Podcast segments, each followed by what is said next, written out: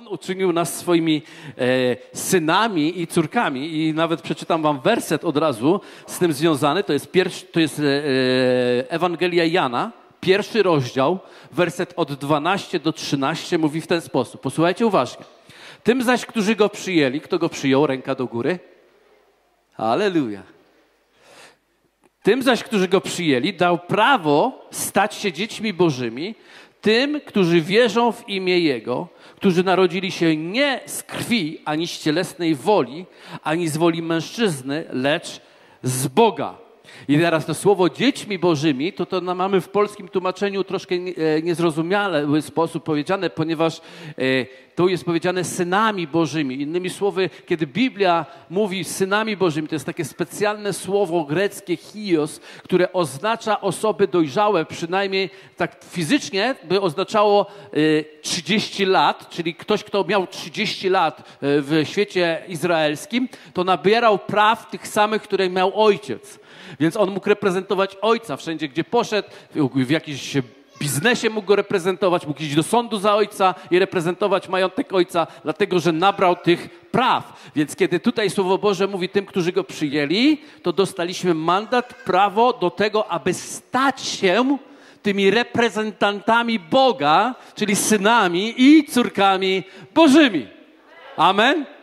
To jest cudowne. Dajmy mu chwałę. Dajmy mu chwałę. I teraz popatrzcie.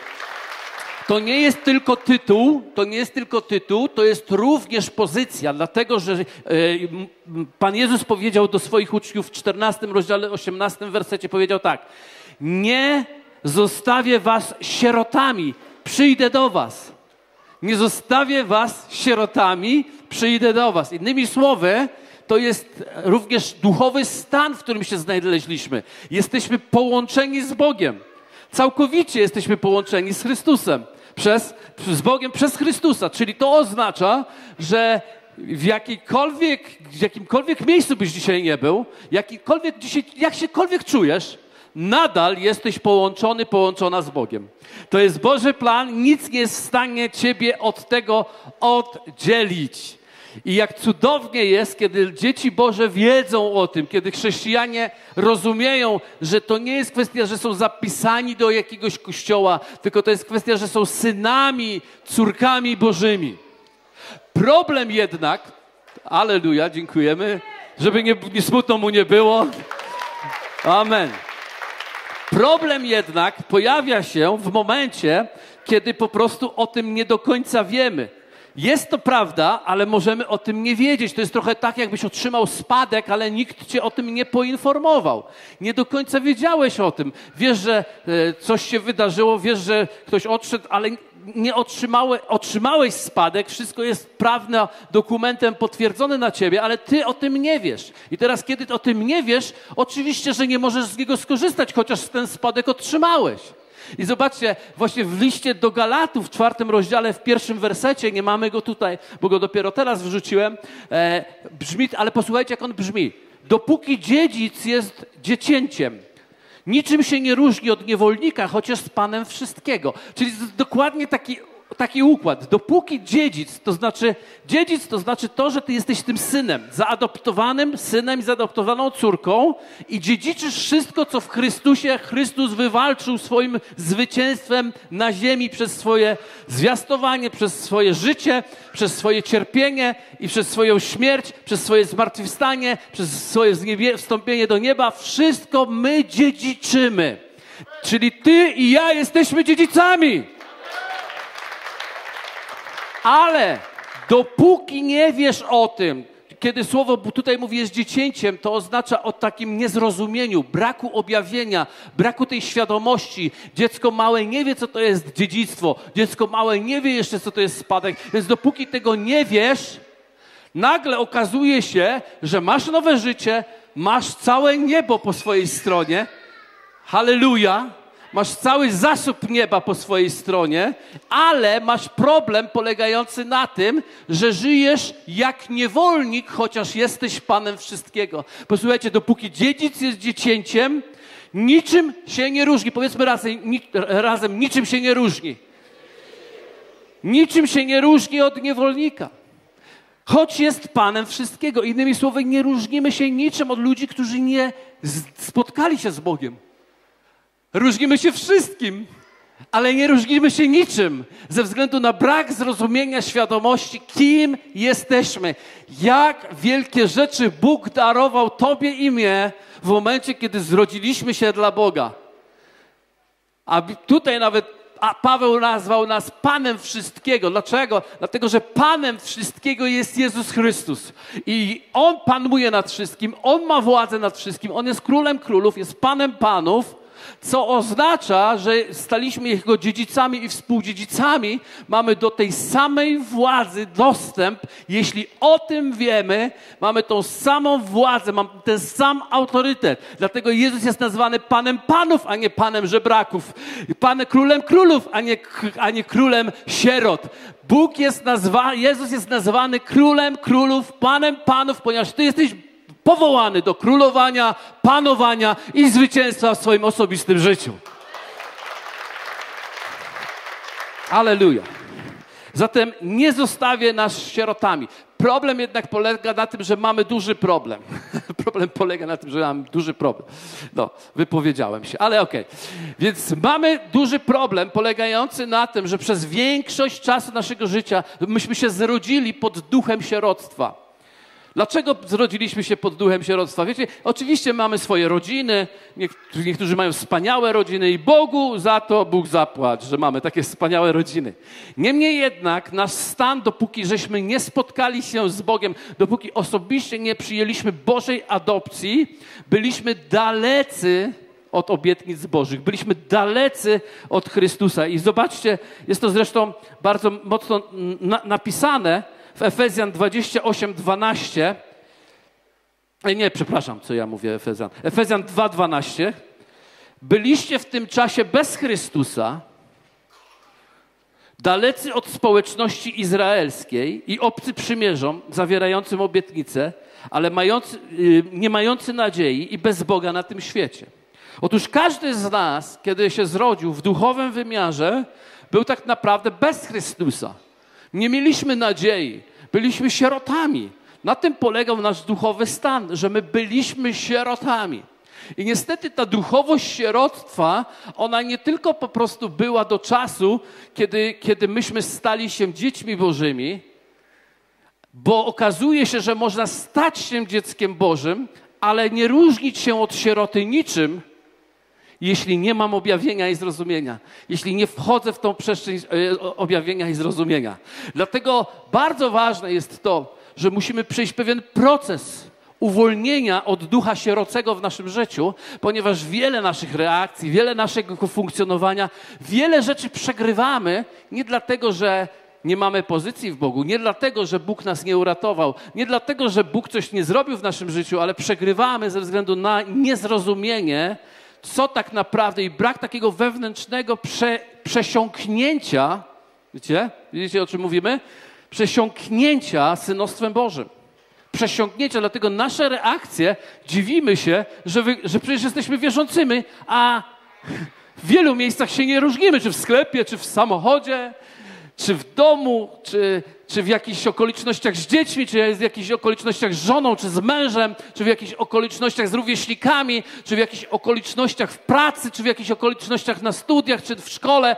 Nie różnimy się niczym od tego świata. Wiecie, nawet nie chodzi o to, że masz wszędzie mówić i nalepić sobie nalepkę, ja jestem dzieckiem Bożym, yy, chrześcijaninem i tak dalej, tylko chodzi o to, że nasze życie powinno wyprzedzać nasz tytuł.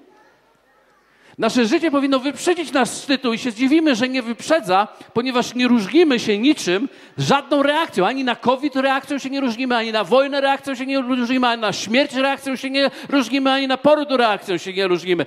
Wyglądamy jak ten świat i dziwimy się, że ten świat nie został jeszcze zdobyty dla Boga, ponieważ, a on nie został jeszcze zdobyty dla Boga ponieważ to my jesteśmy światłością świata, Biblia mówi. Jezus powiedział, ja jestem światłością świata, ale za chwilę potem powiedział, wy jesteście światłością świata, ponieważ odbijacie tą światłość, ale jeśli nie odbijamy tą światłość, bo nie wiemy o tym, że my mamy odbić tą światłość, że jesteśmy synami, nasze skupienie na sobie, nasz egoizm, nasz duch sieroctwa jest jak taka czapa, która zasłania, jest jak korzec, pod których my chowamy światło i jego po prostu nie widać. Ani dla nas, ani dla naszych bliskich, ani dla dalekich.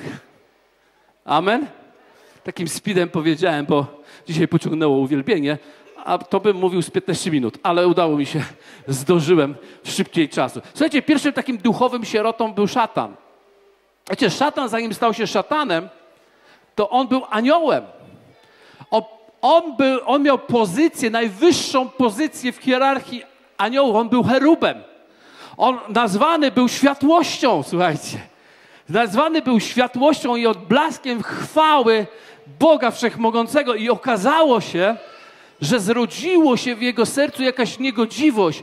On wprowadził w swoje serce brak poczucia bezpieczeństwa, dlatego że, wiecie, jednym z elementów takiego ducha sierocego jest to, że po prostu stając przy chwale, stając przy wielkości, która nie jest Tobą, czujemy dyskomfort zamiast się tym cieszyć. Dlatego zawsze nam łatwiej zasłużyć na pewne rzeczy niż po prostu przyjąć. Wolelibyśmy zarobić niż dostać. Oczywiście niektórzy mówią, że mm, i wiecie, to jest w pewnym sensie dobry kierunek, kiedy ja będę mógł wejść w taki poziom życia, w którym ja sobie mogę to sam kupić pewne rzeczy, niż to, że ja ciągle będę dostawał. Ale kiedy dostaję, okazuje się, że często odzywa się we mnie nie duch Boży, ale duch sierocy i zaczynam mieć problem, ponieważ nie chcę, żeby coś świeciło bardziej niż ja. I diabeł ma dokładnie, y, Lucyfer, który był aniołem światłości, miał dokładnie to samo. I zobaczcie, przeczytajmy sobie Ezechiela, 28 rozdział. 12b do 19, taki dłuższy fragment, ale posłuchajcie, co się stało z aniołem światłości. Tak mówi wszechmogący Pan, ty, który byłeś odbiciem doskonałości. Wow. On był odbiciem doskonałości, pełnym mądrości i skończonego piękna. Byłeś w Edenie, ogrodzie Bożym. Odkryciem Twoim były wszelakie drogie kamienie. Y, karneol, topaz, jaspis, chryzolit, beryl i onyks, safir, szafir, rubin i szmaragd. Ze złota zrobione były Twoje bębenki, a Twoje ozdoby zrobiono w dniu, gdy zostałeś stworzony. Obok cheruba, który bronił wstępu, postawiłem Cię, byś na świętej górze Bożej przechadza, przechadzałeś się pośród kamieni ognistych. Nienagannym byłeś w postępowaniu swoim od dnia, gdy zostałeś stworzony, aż dotąd, gdy odkryto u Ciebie niegodziwość. Jaka niegodziwość? Posłuchajcie, przy rozległym swoim handlu napełniłeś swoje wnętrze gwałtem. Widzicie, to się zawsze zaczyna od serca. To się zawsze zaczyna od tym, co się zradza gdzieś w nas. Ciemność, nie, to tak naprawdę nie jest problem przychodzenia z czegoś z zewnątrz. Ciemność zawsze zaczyna się od wewnątrz. Od tego, że pozwalam sobie na niewłaściwą pozycję, do której nie zostałem powołany. On chciał po prostu więcej i wzbił się w pychę. I zgrzeszyłeś. Wtedy wypędziłem cię z góry Bożej, a cherub, który bronił wstępu, wygubił, wygubił cię pośród kamieni ognistych. Twoje serce było wyniosłe z powodu twojej piękności. Zniweczyłeś swoją mądrość skutkiem swojej świetności. Zrzuciłem cię na ziemię i posta postawiłem cię nad królami, aby się z ciebie naigrywali. Zbezcześciłeś moją świątynię z powodu mnóstwa swoich win przy niegodziwym swoim handlu, dlatego wywiodłem z ciebie ogień i ten cię strawił. Obróciłem cię w popiół na ziemi, na oczach wszystkich, którzy cię widzieli. Wszyscy, którzy cię znali pośród ludów, zdumiewali się nad tobą. Stałeś się odstraszającym przy, przykładem, przepadłeś na wieki. Strasznie e, plastyczny obraz, ale pokazujący to źródło sieroctwa, ponieważ e, anioł światłości stał się pierwszym stworzeniem, który stał się pierwszą duchową sierotą, który pozostał całkowicie ogołocony i pozostał sam. I teraz drugą, drugi przykład pochodzi z Edenu, gdzie mamy, widzimy coś niesamowitego. Mamy Adama i mamy Ewę. I Adam i Ewa, oni po prostu również odstąpili, odsunęli się od Boga, zgrzeszyli i doprowadzili do pozycji, w której stracili raj, stracili Eden i stali się duchowymi sierotami. A Biblia mówi w ten sposób, że w Adamie myśmy wszyscy się zrodzili. Innymi słowy, ta duchowość, która była w nich po utracie Edenu, po utracie tej pozycji, po utracie tego świetnego miejsca, w którym mogliśmy być, myśmy wszyscy się zrodzili i to była nasza pozycja, z której żeśmy się e, urodzili. Niemniej jednak Słowo Boże mówi jest coś niesamowitego. Posłuchajcie. Efezjan, drugi rozdział od 12 do 19. Mówi tak, byliśmy w tym czasie bez Chrystusa, dalece od społeczności izraelskiej, obcym przymierzom, zawierający obietnice, nie mający nadziei bez Boga na świecie. Ale teraz, uwaga, wy, którzy niegdyś byliście dalecy, staliście się w Chrystusie Jezusie bliscy przez krew Chrystusową albowiem On jest pokojem naszym. On sprawił, że z dwojga jedność powstała i zburzył w ciele swoim stojącą pośród przegrodę, pośrodku przegrodę z muru nieprzyjaźni. On zniósł zakon przykazań i przepisów, aby czyniąc spokój stworzyć sobie samym z dwóch jednego nowego człowieka i pojednać dwóch z Bogiem w jednym ciele przez krzyż, zniweczywszy na nim nieprzyjaźń. I przyszedłszy zwiastował pokój wam, którzyście daleko i pokój tym, którzy są blisko, albowiem przez Niego mamy dostęp do Ojca, jedni i drudzy w jednym duchu. Tak więc już nie jesteśmy obcymi i przechodniami, lecz współobywatelami świętych i domownikami Boga. Albowiem jak w Adamie wszyscy umierają, to jest, przepraszam, pierwszy Koryntian jeszcze, chciałem, żebyście zobaczyli. 15 rozdział i werset 22. Albowiem jak w Adamie wszyscy umierają, tak też w Chrystusie wszyscy zostają ożywieni. Więc w Chrystusie została zmieniona nasza pozycja. Już nie jesteśmy więcej niewolnikami, nie jesteśmy dalecy, ale staliśmy się w Chrystusie bliscy. Dlaczego tak się stało? Bo Jezus to zrobił dla ciebie i dla mnie. Więc nasza pozycja jest ta sama. Jesteśmy zaadoptowanymi dziećmi Bożymi. Niemniej jednak, to co bolące jest i co, jest prawdą, to to, że to, co na, przeczytałem też na początku, że dopóki dziedzic jest dzieckiem, niczym się nie różni od niewolnika, choć jest Panem wszystkiego, niestety jest tak mocno obecne. Kościół dzisiaj nie może zabłysnąć chwałą. Życia nasze nie mogą zabłysnąć chwałą z powodu braku zrozumienia, ponieważ okazało się, że można być synem, ale nadal mieć ducha sierocego. Powiem Wam tak, kiedy ja spotkałem się z Bogiem, e, jednym z najwyższych, największych doświadczeń moich było doświadczenie miłości Ojca. Ja zrozumiałem, że jestem synem, ja zrozumiałem to, że jestem synem, ale powiem wam tak, całkiem niedawno, całkiem niedawno stanąłem przed Bogiem ze swoim życiem i powiedziałem, Boże, pokaż mi we wszystkich moich obszarach życia, czy ja naprawdę poruszam się i żyję w duchu synostwa, czy być może pomimo tego, że jestem synem, przejawia się we mnie duch sierocy. I wziąłem różne obszary życia, zacząłem analizować w swoim życiu i wiecie co?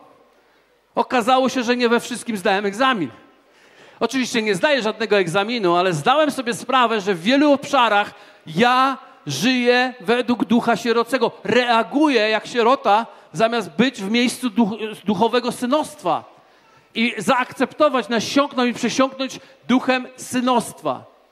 I sobie pomyślałem, kurczaki, przepraszam, e, jeśli ja odkrywam w sobie sieroce rzeczy, zastanawiam się, ile ludzi w ogóle w chrześcijaństwie po prostu boryka się z sieroctwem. Mimo, że jesteśmy zaakceptowani, mimo, że jesteśmy zaadoptowani, mimo, że już nie jesteśmy dalecy, jesteśmy bliscy, ciągle borykamy się z takim duchem sieroctwa. Nie ma innego problemu w Kościele, jak manifestacja ducha sierocego. Jeżeli jakiekolwiek nieporozumienia funkcjonują, jakieś emocje, jakieś zranienia, wszystko to jest dlatego, że zgubiliśmy gdzieś synostwo i uczyniliśmy jako normę dla naszego życia ducha sierocego i mamy jeszcze do tego wymówkę mówiąc, no bo przecież, no bo, bo, bo nie rozumiesz. No bo, bo on mi to, a on mi tamto. Wiecie, ludzie, którzy są zaadoptowani, takich rzeczy nie mają. I pozwólcie, że pokażę wam teraz bardzo ważną rzecz. Pokażę wam tego ducha sierocego i, i, i, ducha synostwa w oparciu o przypowieść, którą dobrze znacie. To jest przypowieść o synu marnotrawnym. Syn marnotrawny, i dużo wiemy o synu marnotrawnym. Prawie jak za każdym razem, kiedy, kiedy czytamy przypowieść o synu marnotrawnym, tą historię, skupiamy się na tym, jak on wylądował w tych świniach i jak on do tych wraca. Ale ja dzisiaj chciałbym skupić się na czymś innym. Chciałbym się skupić na starszym synu, na starszym synu, którego tak już potem, jak już się tą historię skończy, to potem ją tak przelatujemy e, i tak nie zwracamy na nią uwagę, a ona jest niezwykle ważna. Pozwólcie, że najpierw przeczytam dwa wersety z początku tego, tej przypowieści i mówi tak, posłuchajcie, Łukasz 15, 11 do 12, dwa wersety. Potem rzekł pewien, potem rzekł Jezus, pewien człowiek miał dwóch synów. Ilu miał synów? Czyli nie jednego, miał po prostu dwóch. I rzekł młodszy do, yy, z nich ojcu: Ojcze, daj mi część majątku, która na mnie przypada. I teraz uważajcie, skupcie się, bo mnie to całkiem, nie całkiem, wczoraj, nie całkiem niedawno, wczoraj rozwaliło umysł.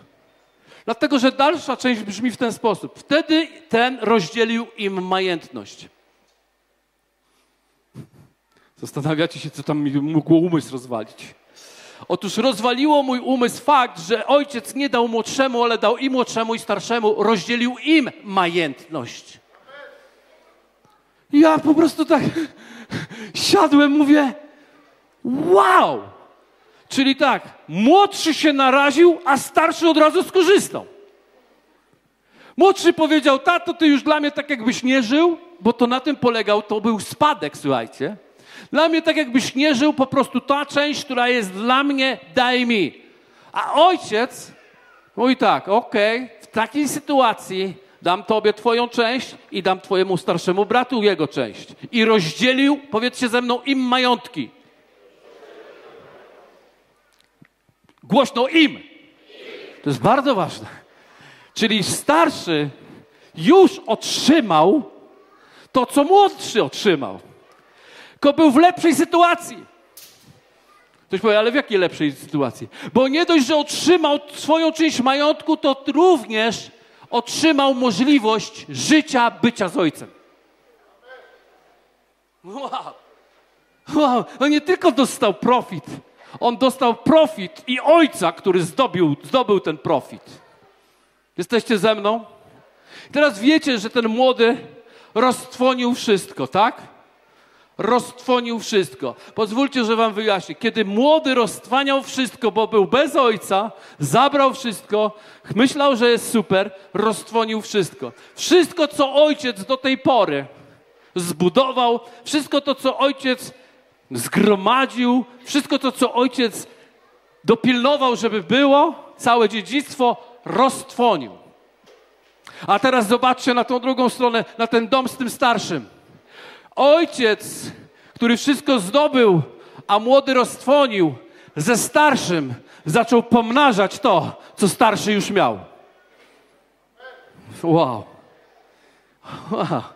Więc on był w zupełnie innej pozycji. Młody roztwaniał, ale uwierzcie mi, jestem przekonany, ponieważ jeśli ojciec reprezentuje Boga w tym, a synowie reprezentują nas, to jestem przekonany, że ten, który zostaje z ojcem, wzrasta, rośnie wzrostem Bożym przez całe swoje życie.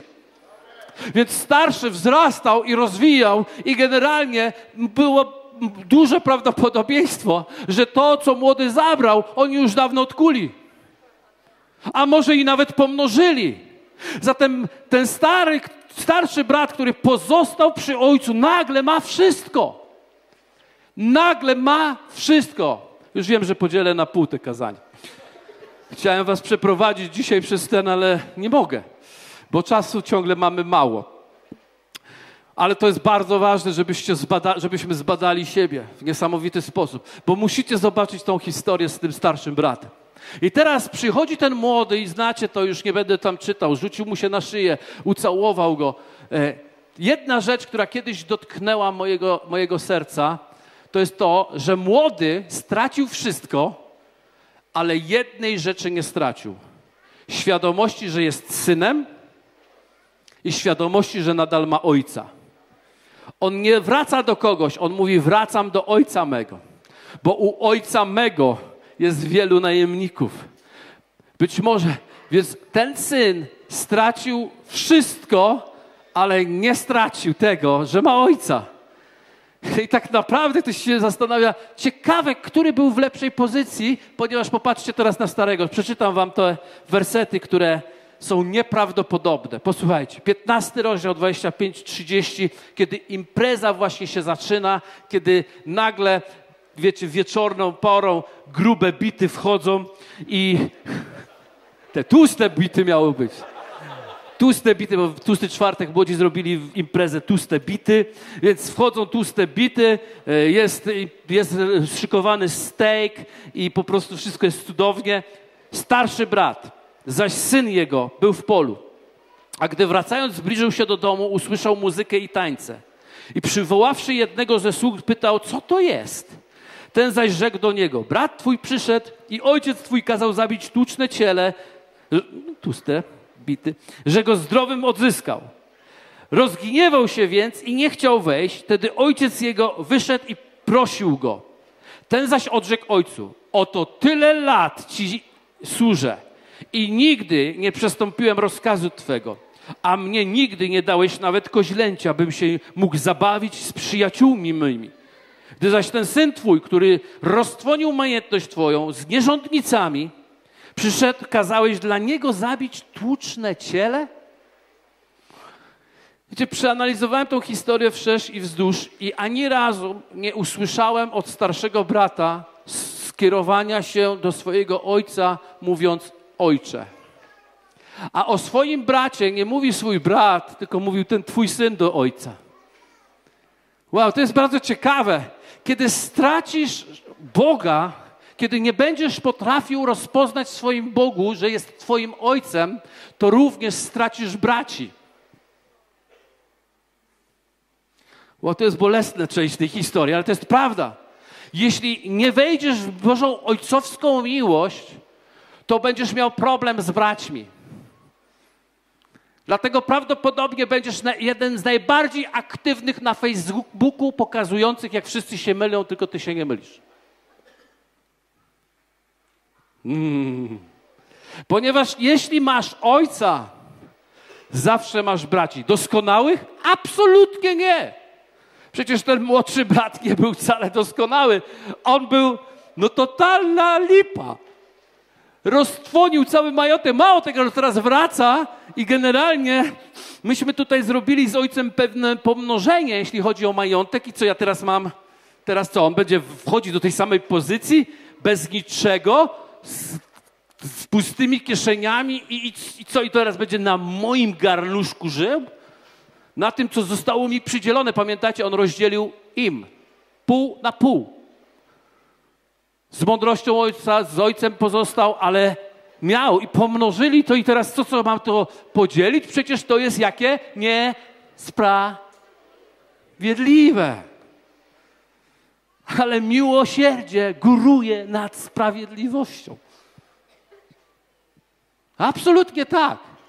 I sprawiedliwością z punktu widzenia jest miłosierdzie. Ała. To jest prawda sprawiedliwością z punktu widzenia Bożego jest miłosierdzie. Okazuje się, że ten starszy brat otrzymał swoją część, czyli wszystko, co posiadał ojciec. Oni to pomnożyli. Ciągłą obecność ojca miał również. Żyje nadal w poczuciu braku i niespełnienia, żyje w duchu sieroctwa. Ten sam ojciec, to nie był problem ojca. Ten sam ojciec Jeden wrócę do ojca mego, drugi nie mam ojca, nie mam brata. Cały dzień ci służę. Cały dzień ci służę i nigdy mi nie zrobiłeś, nigdy dla mnie nic nie zrobiłeś. Ja nie mogę. Przecież ten ojciec zrobił dla niego wszystko. Ten starszy brat jest dzisiaj w pozycji, której reprezentuje wszystko, co ma ojciec. Generalnie mógłby wejść i zarządzić wszystko, cokolwiek zechce, ale on tego nie robi, ponieważ całe życie służy. Wow, służy Bogu, jaka wspaniała rzecz. On służy Bogu. Ty, może ja zdążę, tak sobie myślę. Mam 10 minut. Służy Bogu. Służy Bogu. I nigdy mi nic nie dałeś. Dlaczego on służył Bogu? Dlatego, że próbował sobie zas ojcu zasłużyć na miłość ojca, a on już ją dawno miał. On ją po prostu nie rozpoznał. On był starszy, ale nadal był dziecięciem, który jest panem wszystkiego, ale żyje jak niewolnik. O, mater mia. Więc zobaczcie, coś tu się dzieje. Wielu wierzących przypomina dzisiaj tego starszego brata. Rzadko są w stanie przyjąć miłość, pochwałę, bezpieczeństwo, pociechę i ochronę. Żyją, jakby nie mieli domu pełnego ciepła i miłości z Bogiem Ojcem. Wiecie, tak wielu wierzących jest nagle w jakimś zamieszaniu, zakłopotaniu. Boże, co to teraz będzie? No co to teraz będzie? No co? Wszystko zostało złożone pod nasze stopy. Już nic nie może nam przeszkodzić i odłączyć nas od miłości Chrystusowej. Już nic nie jest w stanie nas pokonać. Nawet czy ucisk, prześladowanie, choroby, cierpienia, śmierć. Co może nam się stać? Posłuchajcie, posłuchajcie, co może nam się stać, żebyśmy w końcu nie zebrali całego zwycięstwa? Nic. Nic. Nic nie może nam się stać. No a jak umrę, nie umrzesz. Przejdziesz ze śmierci do życia. Przejdziesz ze śmierci do życia. Wiecie, musimy wykopać mentalność tego świata i interpretację i na, jakby narrację tego świata na nasze życie. My mamy zachowane życie w Chrystusie, dlatego jesteśmy, żyjemy i poruszamy się w Nim. Diabeł się nas boi, a my jesteśmy zwycięzcami, mając całe dziedzictwo Boże.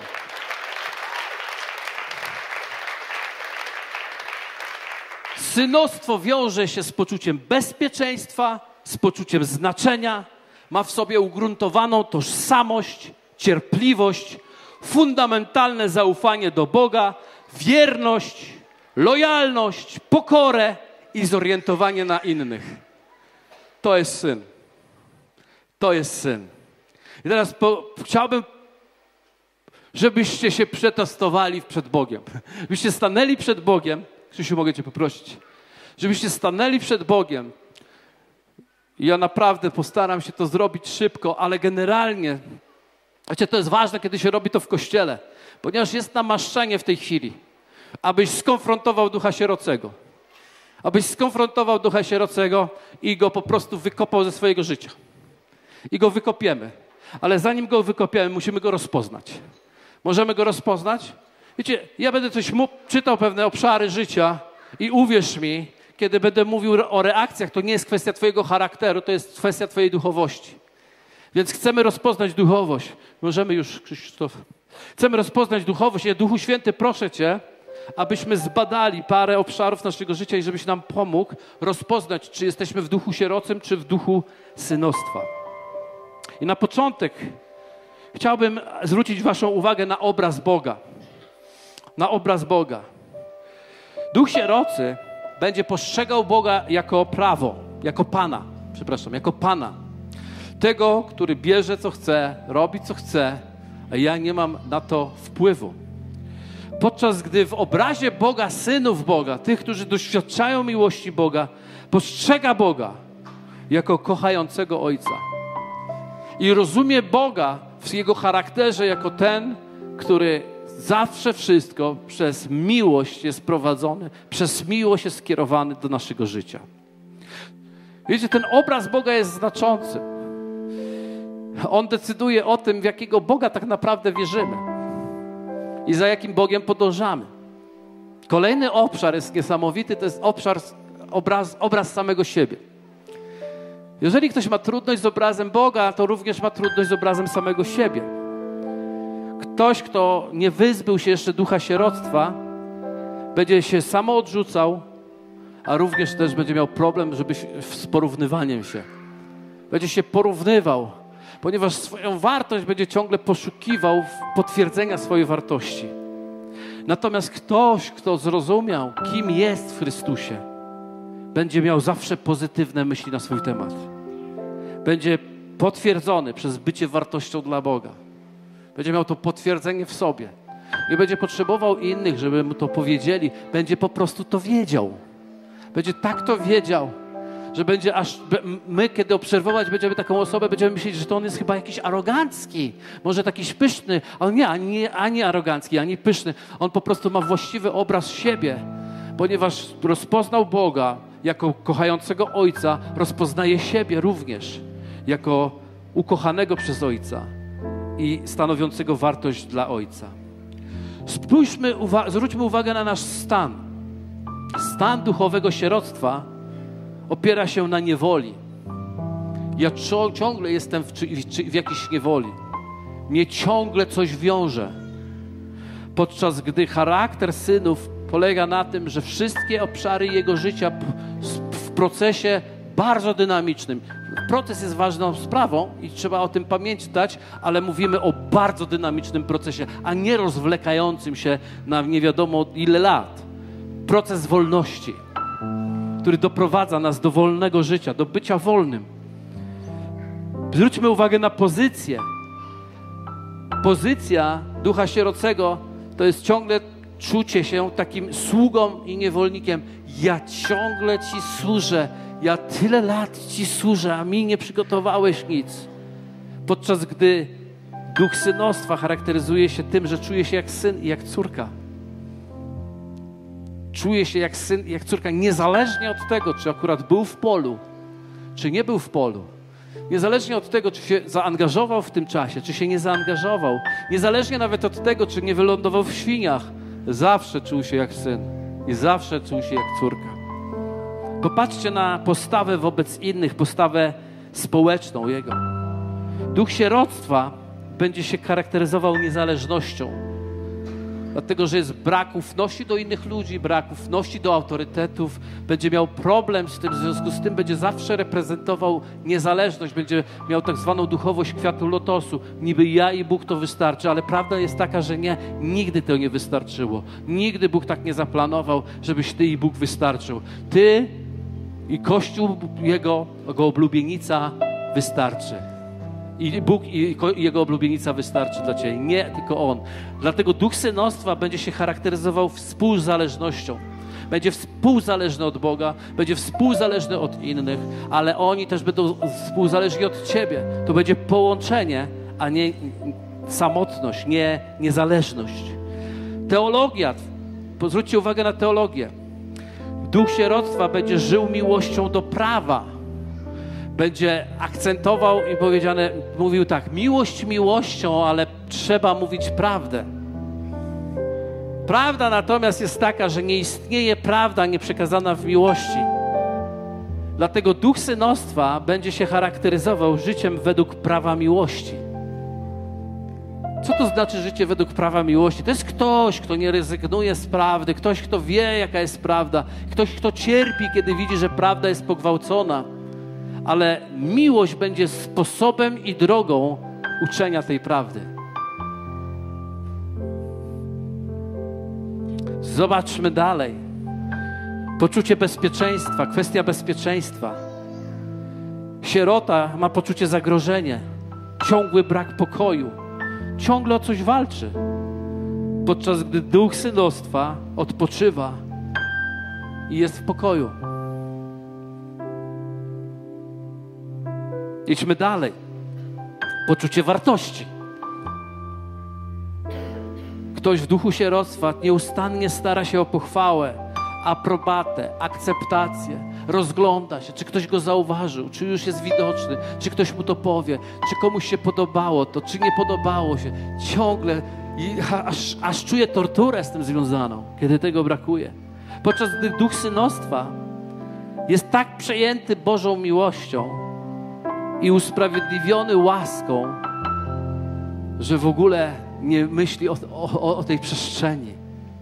Ma poczucie absolutnej wartości. Jest spełniony. Motywacja do służby. To jest ważne, bo dlatego, że jest tu wielu ludzi, którzy służą Bogu. Służą czy w kościele, czy służą Bogu w swojej pracy, czy służą gdziekolwiek. Chcę Wam powiedzieć, że można służyć też w duchu sierostwa. Ten starszy brat całe życie tak robił.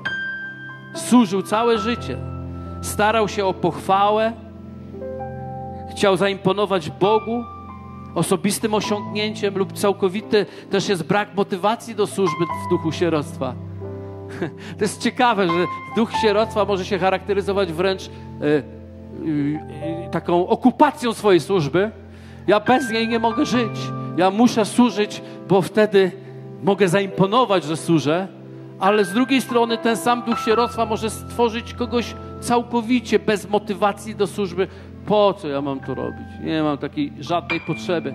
Podczas gdy duch synostwa, posłuchajcie, jest tak głęboka wdzięczność za bycie kochanym i akceptowanym przez Boga, że nie może inaczej. Że chce służyć Bogu, że chce głosić Ewangelię, że chce mówić ludziom o Bogu, że chce być świadectwem, że chce sprzątać kościół, że chce śpiewać w kościele. Można śpiewać w kościele, aby szukać, zaimponować Bogu i ludziom, albo można śpiewać w kościele, aby być, wyrazić wdzięczność i być akceptowanym i kochanym przez Boga. A weźmy motywację do chrześcijańskiej dyscypliny. To jest chyba najtrudniejszy obszar w naszym życiu. Wiecie, y, okazuje się, że wszędzie dyscyplina naszego życia jest oparta o, o właściwą motywację. Jeśli jest dobra motywacja, to zawsze będzie właściwa dyscyplina, nasza samodyscyplina w naszym życiu. I często ponosimy porażkę w dyscyplinie nie dlatego, że nie mamy wytrwałości, tylko dlatego, że motywacja jest niewłaściwa. Ponieważ duch sierocy, motywacją do, do, do, do dyscypliny jest obowiązek, chęć zasłużenia na Bożą łaskę, podczas gdy motywacją dla synów, córek jest zachwyt Bogiem i radość, która wypełnia jego życie. Dlatego w radości, nie ustając niepłomiennym duchem Panu słusznie, nie ma innej formy służby Bogu. Nie ma innej formy zdyscyplinowania. Jestem zachwycony tak Bogiem, że mam dość już grzechu. Jestem tak zachwycony Bogiem, że zdyscyplinuję swoje życie. Jestem tak zachwycony Bogiem, że nie pozwolę, aby lenistwo wyszło ponad Boga w moim życiu. Amen. Amen. A motywacja do czystości? Posłuchajcie. W duchu sierocym muszę być święty, ponieważ inaczej będę wstydził się, będę winny, a wstyd wypełni moje życie. Podczas gdy motywacją dla synów jest chcę być święty, bo nie chcę, aby cokolwiek utrudniało mi intymność z Bogiem. To jest moją motywacją do czystości. A zwróćmy uwagę na źródło pociechy. Szuka pociechy w fałszywym uczuciu sierota, podczas gdy syn odpoczywa w obecności i miłości ojca. Jest pocieszony. Po prostu jestem. Amen. Amen. Relacje. Hmm. Duch sierocy. Konkurencja, rywalizacja i zazdrość. Duch synowstwa. Synowie i córki. Skromność i jedność cenią ponad wszystko. Nie muszą być ich. Jestem, jestem. Nie. Są skromni, nawet jak mają wszystko. Nie muszą udowadniać, że wszystko mają. Są skromni i budują jedność z innymi, ponieważ wiedzą, że połączenie to jest najpiękniejsza rzecz, którą mogą, mogą mieć. A zwróćcie uwagę na re, reakcję na błędy innych ludzi. O, to jest ciekawe. Reakcję na błędy in, innych ludzi. W duchu sieroctwa reagujemy tak. Próbujemy czasami wykreować swój własny wizerunek kosztem innych. O, ja bym to zrobił lepiej. Ja, ja wiedziałem, że mu nie wyjdzie. O, ja, ja, ja to czułem, że tak będzie.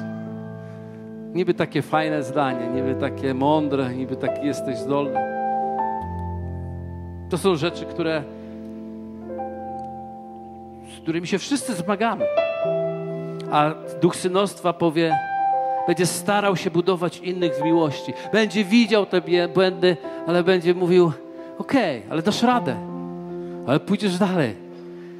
Wiecie, nie musimy się odbić od Niego jak od trampoliny i powiedzieć, o ja, ja skaczę, ja. A popatrzcie na stosunek do autorytetu. Do liderów, do pastorów, do rodziców, do nauczycieli, do, stosunek do autorytetu. W duchu sieroctwa autorytet to często to jest źródło bólu, bo już dawno został zraniony przez autorytet. Bo duch sieroctwa w łatwy sposób przyjmuje ranę. Bo lubi ranę. Nie, nie lubi, ale lubi. Nie wiem, czy zrozumiecie, co mówię.